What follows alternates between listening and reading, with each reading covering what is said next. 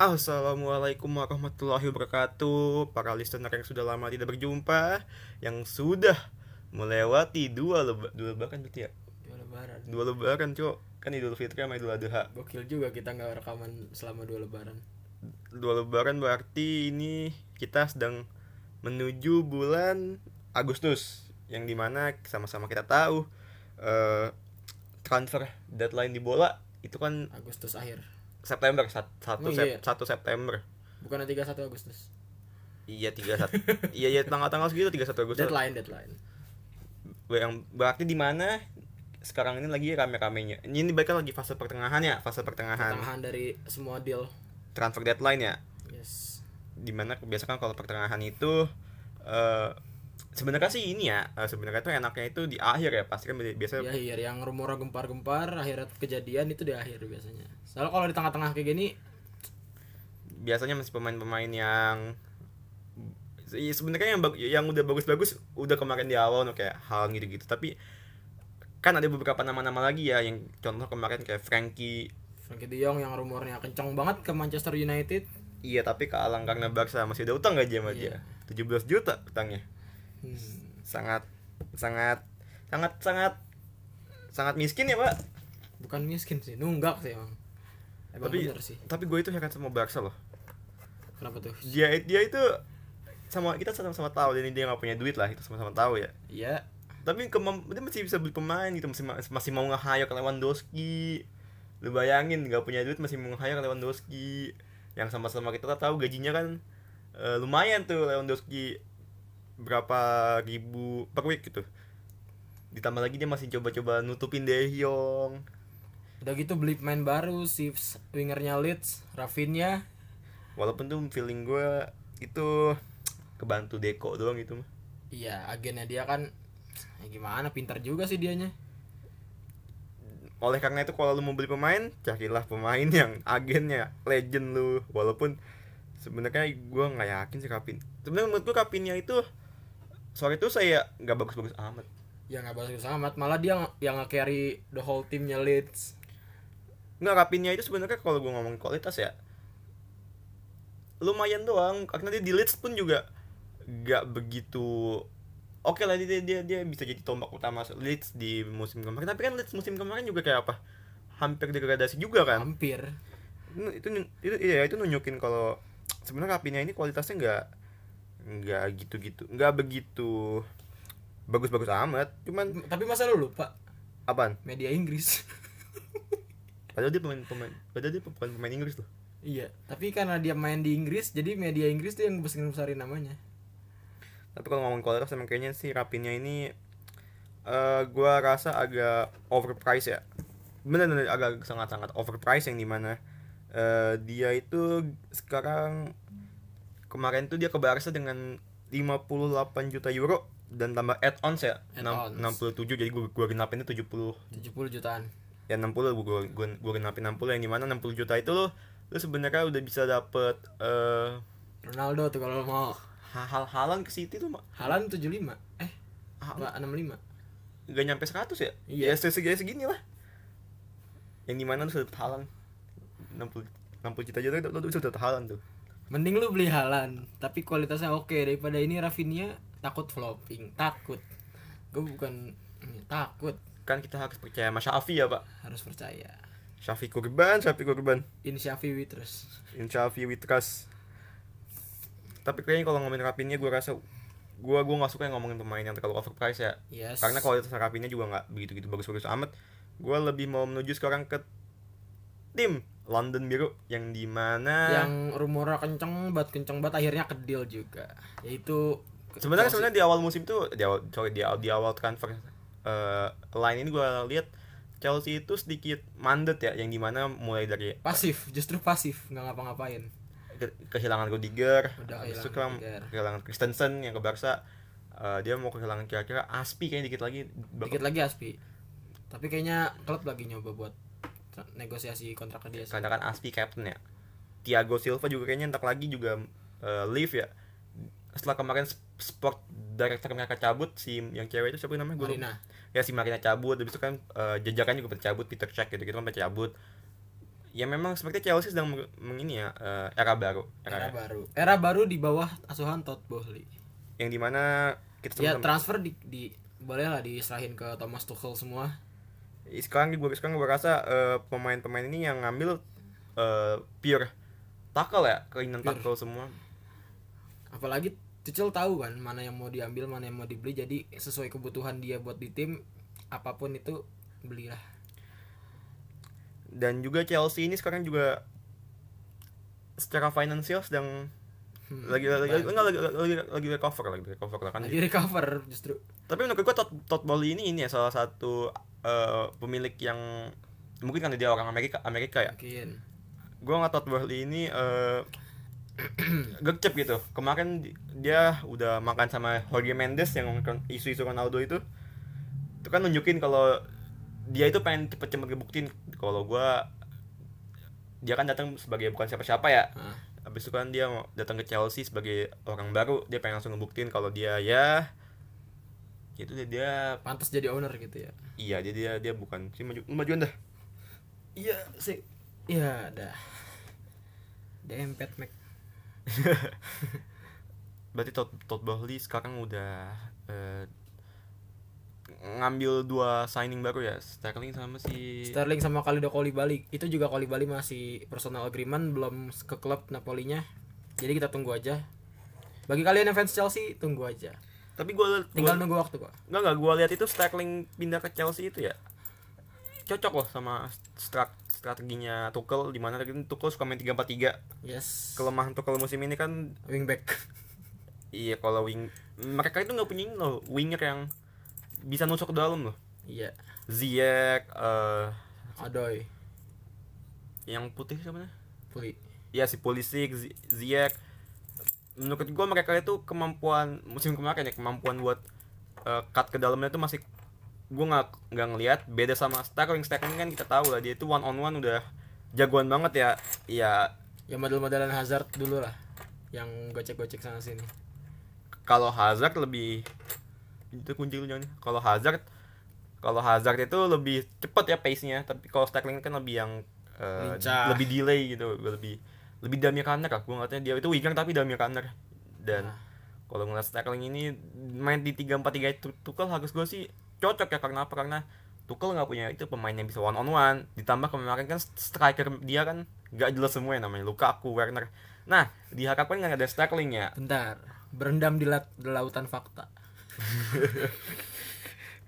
Lu Ya. kalau ngomong fakta semua. Iya emang emang fakta kan. Emang. emang emang emang akhirnya Lukaku kan go out juga tapi walaupun lawan sih tapi kalau mau beli Iya tapi itu duitnya hilang 100 juta itu. iya makanya Dia pindah Chelsea beli dia 100 juta. Deal buat di loan lagi ke klub Inter Milan. terus ntar kalau kalau musim depan mau perpanjang gimana sih Milannya hmm Tapi kalau Milan sih gua rasa udah ada option buy-nya lah enggak kan enggak taruh 100 100 juta nih. nah Misalkan Inter Milan mau beli paling cuma 20 juta. Iya benar Karena kan Chelsea Chelsea itu kan kasarnya cuma mau ngelepas dia, melepas cakap pertahan, makan di loan dulu kalau dia bagus gitu kan di Inter ntar gua ambil lagi. Tapi kalau misalkan let's say Lukaku mau cabut ya, opsi, paling opsi buy cuma berapa? 20 juta. Ya Inter udah undang 80 juta dua tahun terakhir ini. Belum ditambah dia nanti ngejual pemain atau siapa dia, ju- dia jual. Oh, eh, Ivan Perisic udah dijual. Eh Ivan Perisic ya walaupun free free, free agent sih, tapi kan sengaja dia udah, dia udah lepas gaji-gaji pemain lah ya kayak Ivan Perisic gitu-gitu udah, udah lepas. Em sebenarnya gua rasa good ini sih good business sih dari Inter, Inter. Milan walaupun agak licik sih agak agak Inter tiga tahun ini agak licik sih. Bukan li ya Liga Italia lah Liga kaki kan. Selalu gitu kualitasnya nggak nggak nggak pernah ngasih something yang fresh ya. Liga Italia selalu ngam ya, ngambil kayak, pemainnya pemain tua. kayak Juve aja tuh Juve kan yang ngambil pemain gratis. Iya. Pogba Pogba udah habis di MU diambil. Di Maria habis di PSG diambil. Sebenarnya kok di Maria itu bukan abis sih lebih ke saing saingannya bintang sih saingan iya sih. Tuh, tuh, tuh, siapa juga yang mau saingan sama Messi aja di Siapa- tim lo siapa yang mau saingin sama Bos Bape itu dia Kids Mbappe. Bos Bape lu mau saingin? Gak nggak mungkin pak. Chelsea Chelsea tiga empat tiganya Tuchel kan. Kemarin tuh kakatan ya sama-sama tahu karena apa karena yang namanya Ziyech gua nggak bilang Ziyech itu jelek ya. Tapi Ziyech itu dia itu type of play-nya itu lebih ke ini lebih ke teamwork yang lebih ke passer bukan lebih dia tuh kalau diajakin main one one to pass ya dia itu canggih banget dah udah. Tapi kalau ketika one on one dia itu oke lah gue gue percaya skill Ziyech tuh ada tapi he doesn't know ke depannya dia mau ke mana. Yang ujung-ujungnya dia itu sering after one on one back pass back pass passing ke belakang. Passing ke wingback lagi. Kalau Sterling kan kita tahu dia one on one dia paksain maju ujung-ujungnya apa Oh. diving Ah iya. kan itu yang sebenarnya dicari makanya gue kalau misalkan musim depan nih Jorginho masuk Ballon d'Or contention lagi gue yakin ini sebab siapa sebab Sterling Iyalah passingnya dia bagus bagus. penalti penalti lah golnya Ah iya. Sterling kan diving penalti siapa Jorginho Jorginho terus. ya udah Gimana ya kalau ini bener. Ya tapi kalau di Chelsea si Sterling diving mulu bakal bagus sih. karena Chelsea itu mm, tengahnya itu menurut masih solid loh musim ini dan yang namanya Dia masih punya Kante sama Jorgi. Kante, Georgi, Kovacic itu kan nggak cabut ya Yes. yang di mana eh, sama-sama kita tahu lah Chelsea itu emang kekuatannya di, di lini tengah apalagi Kante Kante oke lah orang pada bilang Kante itu kemarin blunder lah Madrid tapi kan secara satu full musim ya Kante itu kan berkutat sama cedera Yes. Dia itu berantem- paha cedera, paha cedera. Chelsea kalau nggak ada Kante itu nggak ada apa ya, Gak ada napas, gak ada napas. iya bener nggak ada nggak ada nggak ada, nggak ada- nggak ada pemain yang bisa ngasih rasa safe gitu net Yes. net utama gua nggak suka ya sebagai pelindung utama buat eh, delay bola dari lawan itu nggak ada makanya Chelsea itu kemarin kan keteteran Chelsea kan sempet kemarin itu peringkat satu Iya, pertengahan musim doang. sampai sebelum yang namanya Kante cedera-cedera sama Chilwell mulai eh, Yes. cedera nah musim depan ini Chilwell udah Balik. Kante udah balik. Ting gua gua berharap sih Chelsea ngambil satu lagi pemain tengah yang udah veteran. Entah you name it lah siapa aja. Pemain satu aja pemain tengah yang udah veteran. Mungkin dia bisa ngambil em, ya siapa lah pemain-pemain Bundesliga tuh. Banyak tuh yang lagi nganggur-nganggur juga. Sabitzer. iya bo. Ya bisa sih bisa sih. Kalau Nagelsmann Apalagi personal agreementnya si Kol Kalido Kolibali yang bikin Chelsea aman di lini belakang. gua aja sebenarnya nggak suka sama Koliba loh Kenapa tuh? dia itu eh dia itu kan main di Liga, Italia ya Yes. gue beberapa kali nonton Napoli dia itu nggak bisa build up dia itu nggak bisa build up serangan dia itu eh, Justru ada Thiago Silva yang bikin dia build up ke depan. nah permasalahan Thiago Silva musim depan masih di Chelsea nggak itu kan permasalahannya dan musim ini masih kan dia masih ada satu tahun dan kontrak. dan Thiago Silva itu kan masalahnya pelan lambat dan dia gua Thiago kan umur 30 Tujuh. 37 nggak mungkin dong dia main satu full Satu musim full. Iya. Pasti ada rotationnya lah. Nah, kalau kita ngeliat Chelsea ya, 3-4-3. Oke lah, 3-4-3 ini kan selalu kalau bertahan ngasih eh, rasa aman buat center back. Karena kan ada tiga center back ya. Yes. Jadi kalau misalnya satu satu naik, masih dua yang cover. Satu naik, dua yang cover.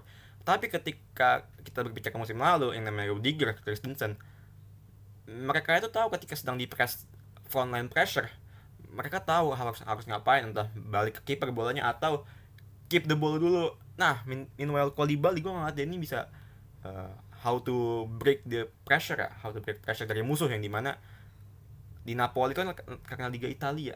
Liga Italia itu sebenarnya Oke lalu gue pernah nonton Liga Italia pada mainnya pada ngepres tapi ngepresnya itu bukan ngepres yang tactically ngepres gitu karena kalau lu mau ngepres pasti kan lu harus eh, berat di bola weak di pemain sih maksud gua?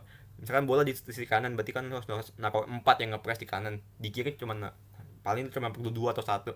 Nah di Itali enggak beda Itali cara ngepresnya makanya kalau di Bali itu let's say cuma long ball juga bisa dapat pemain depannya di Premier League kalau misalkan lu kayak gitu ya hilang bolanya pasti. Ujung-ujungnya lu apa? Cuman crossing nggak jelas ke depan crossing dari tengah yang kan bukan itu yang diinjak di IPL Apalagi kalau waktu dulu ada si Rudiger, dia enak masing ke tengah ada Jorgi, Jorgi dapat build up lagi Rudiger kan Rudiger itu menurut gue center back paling center salah satu center back pinter itu. Iya. kalau defensif oke lah dia kalau dalam sisi ofensif ya dia itu tahu kapan harus turun. Kapan harus passing. kapan harus naik kapan harus turun. Dan kapan dia harus sabar ya. Sa- sabar. Rudi- Rudiger tuh salah satu back sabar loh menurut gua. Iya karena dia tahu positioning dia. Sama kayak Van Dijk pos- positioning positioning dia tuh kayak Van Dijk ya. Van Dijk itu kan juga sama-sama pintar kayak dia. Kayak we dan with it, the Blues ya jangan jangan jangan Chelsea mulu kan kita bukan eh, Chelsea TV Hmm, karena yang fans Chelsea saya doang.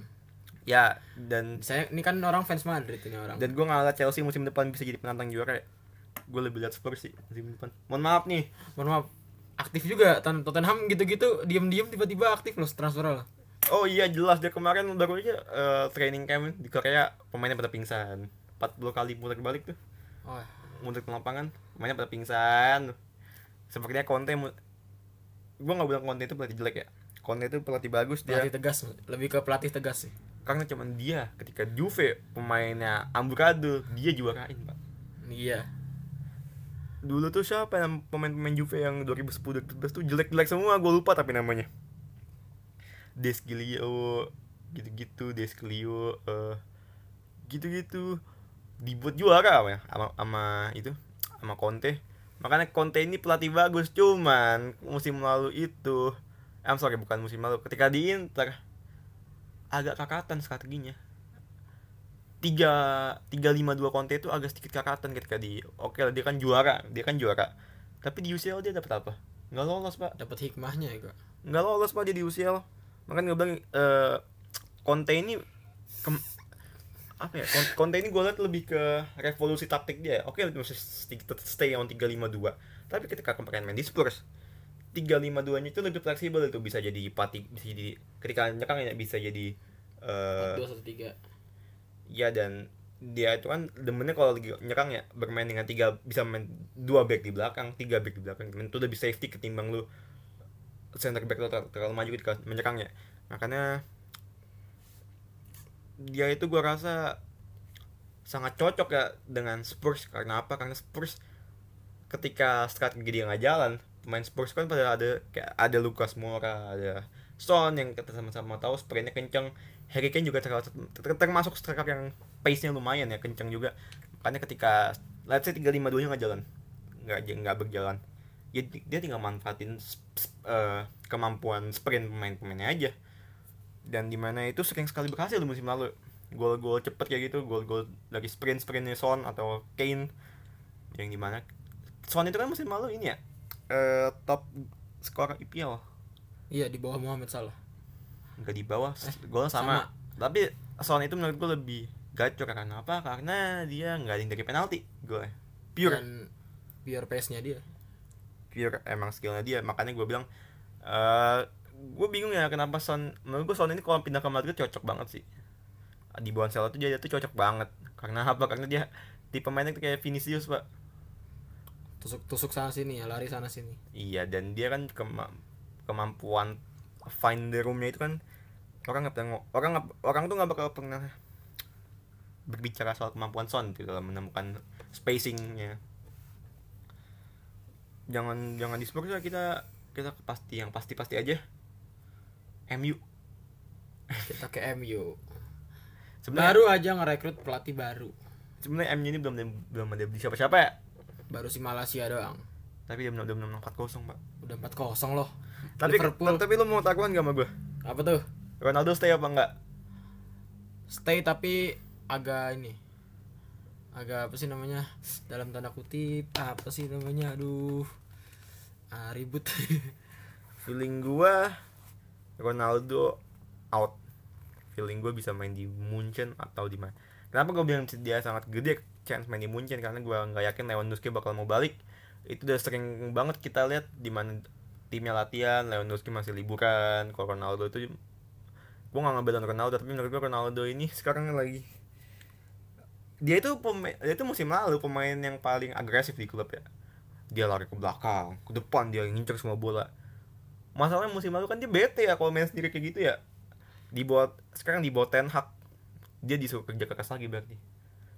Nah gue yakin Ronaldo tuh udah males gue nanti kalau ujung-ujungnya sama lagi gue, udah males makanya dia Endingnya di- sama. ditambah MU main di Europa League pak Itu dia. Masa Ronaldo suruh main di Europa League? CV-nya Ronaldo kan dia kan sama JMU lagi ngancurin Karirnya dia. eh iya si gue, gue nyebut CV CV kerja Ronaldo ya yang di mana Ronaldo kan gue yakin ya pengennya main UCL, CL UCL. terus. yang ya gimana tahu emang dia kok di UCL gue udah liat beberapa hari terakhir ini minggu terakhir ini Madrid ngepost video Ronaldo kan gue bilang kayaknya Ronaldo nggak stay dia bakal out ya? Bakal ditambah gaji Ronaldo itu kan 600 ribu dolar. Eh euro apa dan tuh? MU juga udah bandrol dia 15 juta kalau ada yang mau ambil sebenarnya 15 juta itu oke kita kita dengar kecil ya. Hah, tapi gajinya itu pak 600 ribu. Per week 600 ribu dolar apa euro? Anjing 600 euro. 600 euro apa 600 dolar itu lumayan bang lumayan. Belum lagi apa eh, bonus per game gue tuh heran sama Ronaldo ya. dia itu kan selalu bilang ya kalau dia itu nggak perlu duit ya. Tapi kenapa kemarin dia pindah ke City gue tuh masih eh kenapa kenapa dia tuh kemarin pindah ke United gitu? Padahal dia itu udah, sangat dekat loh ke City loh. Cuman sayang aja Sir Alex nelpon dia ke MU dah. Nah di MU dua. Hmm, hancur dong masalah juga di musim kemarin ya eh, MU nggak ada nggak ada yang bisa support Ronaldo walaupun ada Sancho masih siapa? Strikernya Bruno eh, itu kayak jelek semua kemarin tuh. Iya si Ra- Rashford kurang sport sportif kurang Ronaldo support Ronaldo, si Ronaldo, Ronaldo tuh pure Bruno Fernandes juga gitulah. Ya mau gimana klub-klub itu walaupun sekarang Bruno Fernandes dikasih nomor 8 Ronaldo apa ekspektasi lu Bruno Fernandes dikasih nomor 8 apa sebenarnya bukan lebih ekspektasi kan nomor 8 sih kan dia main, main di era Ten Hag ya. Hmm. Bruno kalau passingnya masih apa dia itu kan passingnya itu kan eh, suka Taruh misalnya dia cuman dia dia enam kali pass gitu lima kali gagal tapi satu satu passnya itu big chance. Yes. Nah di bawah Ten Hag Ten Hag kan pasti maunya if you cannot sebisa mungkin passing itu jangan gagal jadi gue yakin Bruno musim depan bakal main lebih safe tapi gue masih yakin kemampuan dia bikin big chance ya itu bakal masih tetap ada karena musim lalu eh, Bruno tuh nggak kelihatan ya bahkan FYI ya big chance nya Arsenal musim lalu lebih banyak daripada big chance MU yang di mana kita tahu padahal pemain pemain tengah MU kan kelas banget musim lalu ada Pogba, Bruno. Tapi apa? Big chance-nya Arsenal musim lalu lebih banyak. Bruno Bruno Fernandes kurang kreatif apa coba? Iya, tapi tapi musim lalu tuh nggak ter- nggak kelihatan. nggak kelihatan. Big chance dia bikin big chance juga ya gitulah nggak nggak maksimal bro. Antara big chance nih yang kebagusan tapi striker nggak jelek atau Nah, tapi kalau striker jelek sih gue gue nggak mungkin. rasa enggak sih. Kayaknya kalau Ronaldo apa? Kurang apa? Harusnya MU itu nyari satu lagi pemain winger yang bisa ngegolin ya. Karena apa gue liat di musim ini ya di musim oh, sorry, di musim lalu back itu lebih eh, marking lebih tight marking Ronaldo. Itu itu itu udah fakta banget. Permasalahan ya wingernya Martial Rashford eh Sancho. Elanga menurut gue gue nggak bisa ngejudge dia. Gua ya, dia masih muda. Dia masih eh, tahun pertama. Itu nggak bisa ngasih eh, chance yang membahayakan musuh ujung-ujungnya ya Ron- Ronaldo prestasi lama itu itu ke uang segede itu masa nggak bisa manfaatin? Sancho juga sama aja nggak kelihatan. Ya semoga sih musim musim depan MU dapat jadi pesaing sih. Gue itu berharap musim depan tuh Big Four itu eh, City pasti City Liverpool. Pasti pas- pasti City Liverpool City Chelsea. Liverpool. Enggak enggak Chelsea enggak gue itu lebih lihat City Liverpool MU sama Tottenham. Arsenal atau Tottenham. Arsenal juga lagi masa regenerasi semua pemain bakal kayaknya bakal musim depan tuh kalau Arsenal musim depan tuh kalau Arsenal masuk UCL top 4 aja. Hah? top 4 itu udah strategi paling itu udah itu udah bagus banget buat dia. Itu tuh jadi- itu menurut gue sama dengan kalau Arsenal musim depan pas empat besar buat gitu sama dengan Arsenal juara udah. As simple as that. Atau say dia juara Euroleague jangan dia juara itu tuh sama dengan juara IPL udah gue ininya. Karena squad dia ini bener-bener squad kalau ngomongin pemain ya mediocre pak. Odegaard itu emang sebagus apa sih Emil Smith, Emil Smith itu emang gue rasa kelasnya bagus. Saka, Emil Smith tapi pemain-pemain lain kayak Tomiyasu itu kan pemain bukan pemain kelas atas kelas masih masih mediocre tapi di pol sama Arteta. Dan juga pemainnya juga mau kerja keras ya. Sekarang dia kemarin peringkat 5 gue rasa musim depan bakal lebih bagus lagi sih. Dengan datangnya Gabriel Jesus juga bakal ngasih eh, tenaga baru buat Arsenal sih. Musim lu depan yakin nggak apaan? Ya, gua Gabriel Jesus bikin tenaga baru buat Arsenal. Ntar dulu gua gua recap dulu musim kemarin ya. Oke. musim kemarin Lacazette itu uh, strikernya Arsenal Lacazette Aubameyang setengah setengah musim. Itu sering banget yang namanya buang-buang chance. Itu- Yes. itu, itu, itu fakta.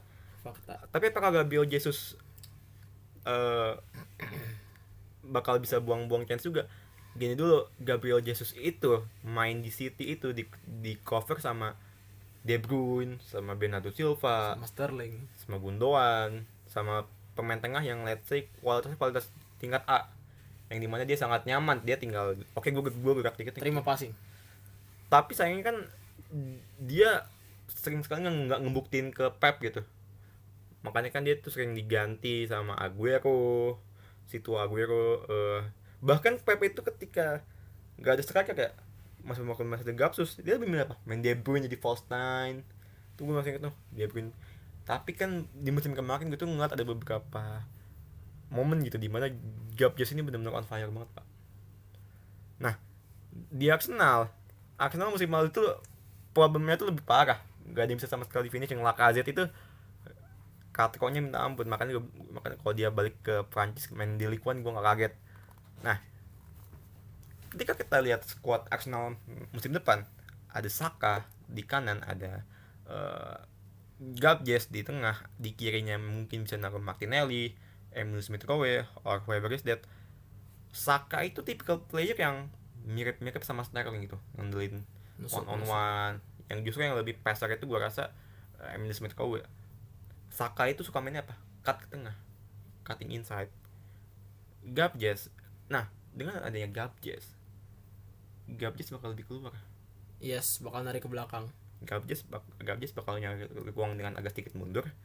Saka di situ bisa masuk. cut inside. Nah di situ nanti gol-gol dari eh, umpan-umpan umpan-umpan samping ya umpan-umpan di crossing.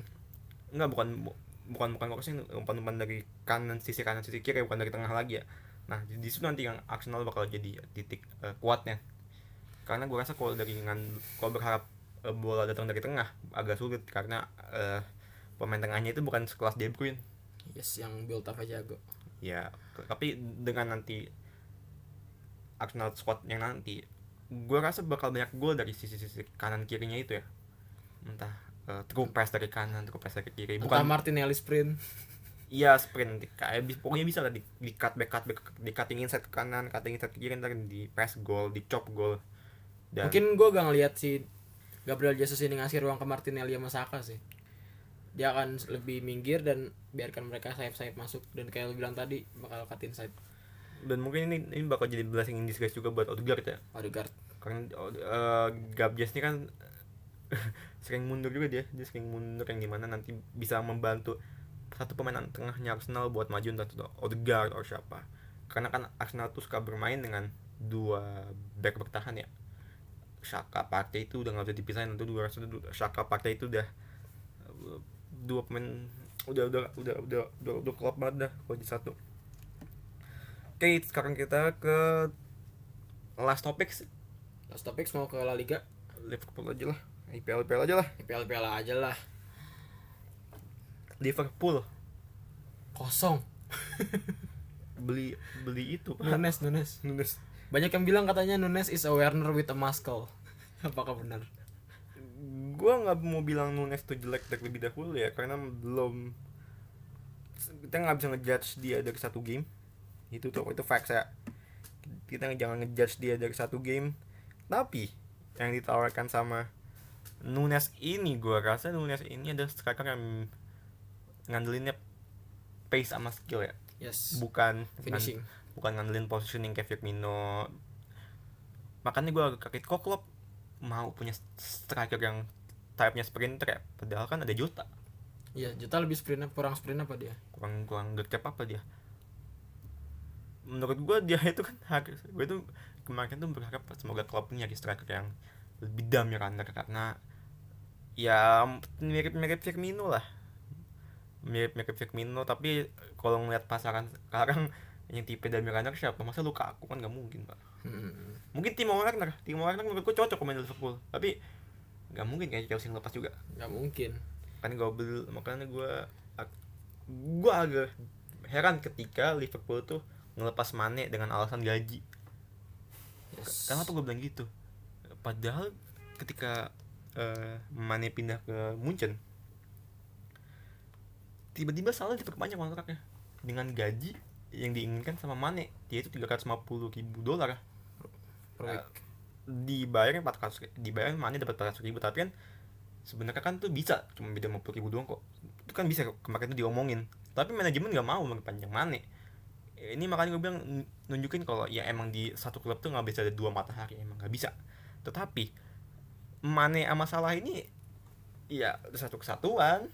Udah walaupun emang beberapa kali gue lihat ya mungkin semenjak final Afrika itu ya Hmm. yang Mane lawan Salah.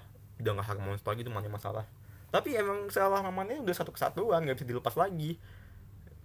Datengin Nunes Nunes juga gue nggak ngeliat dia ini punya kemampuan nyetak gol top ya. Bahkan menurut dia sama Firmino masih bang mas gue masih megang Firmino ke mana-mana jadi Walaupun backupnya bagus ada Jota, gue masih milih Jota daripada Nunes. jadi gue rasanya uh, Nunes ini lebih ke signing yang buat jangka panjang ya Yes. umur masih lumayan jadi ya bersabar aja lah Meanwhile Mane menurut gue Mane ini winning deal sih buat dia dia dia, dia, dia kemungkinan Dia kemungkinan kemungkinan. dapat gaji gede Heeh. dan kedua itu gaji udah pasti keinginan dia yang kedua musim depan nggak ada Lewandowski di mana Mane pasti akan jadi target man kalau nggak kalau nggak datengin Ronaldo ya? Kalau let's say let's say ya mungkin akhir musim nggak datengin Ronaldo. Yes. ya dia pasti jadi target man ya dan dia ditambah siapa? Main main di Liga Petani pak. Ini Liga Petani, gampang. Gak gampang juga sih kayak banyak Bundesliga itu kan ngandelin pace kecepatan. Yes. nah Mane kecepatan kan ada. Kur. finishing ada. Mungkin positioning gue rasa agak kurang tapi it's okay. Main di bawah Nagelsmann yang di mana Nagelsmann tuh maunya mainan cepet cepet cepet makanya tuh kan kemarin Lewandowski nggak bisa ngikutin ya karena kan dia bukan tap striker kayak gitu nah ini dia Mane gue rasa Ditambah lagi lini tengah mereka yang ajib.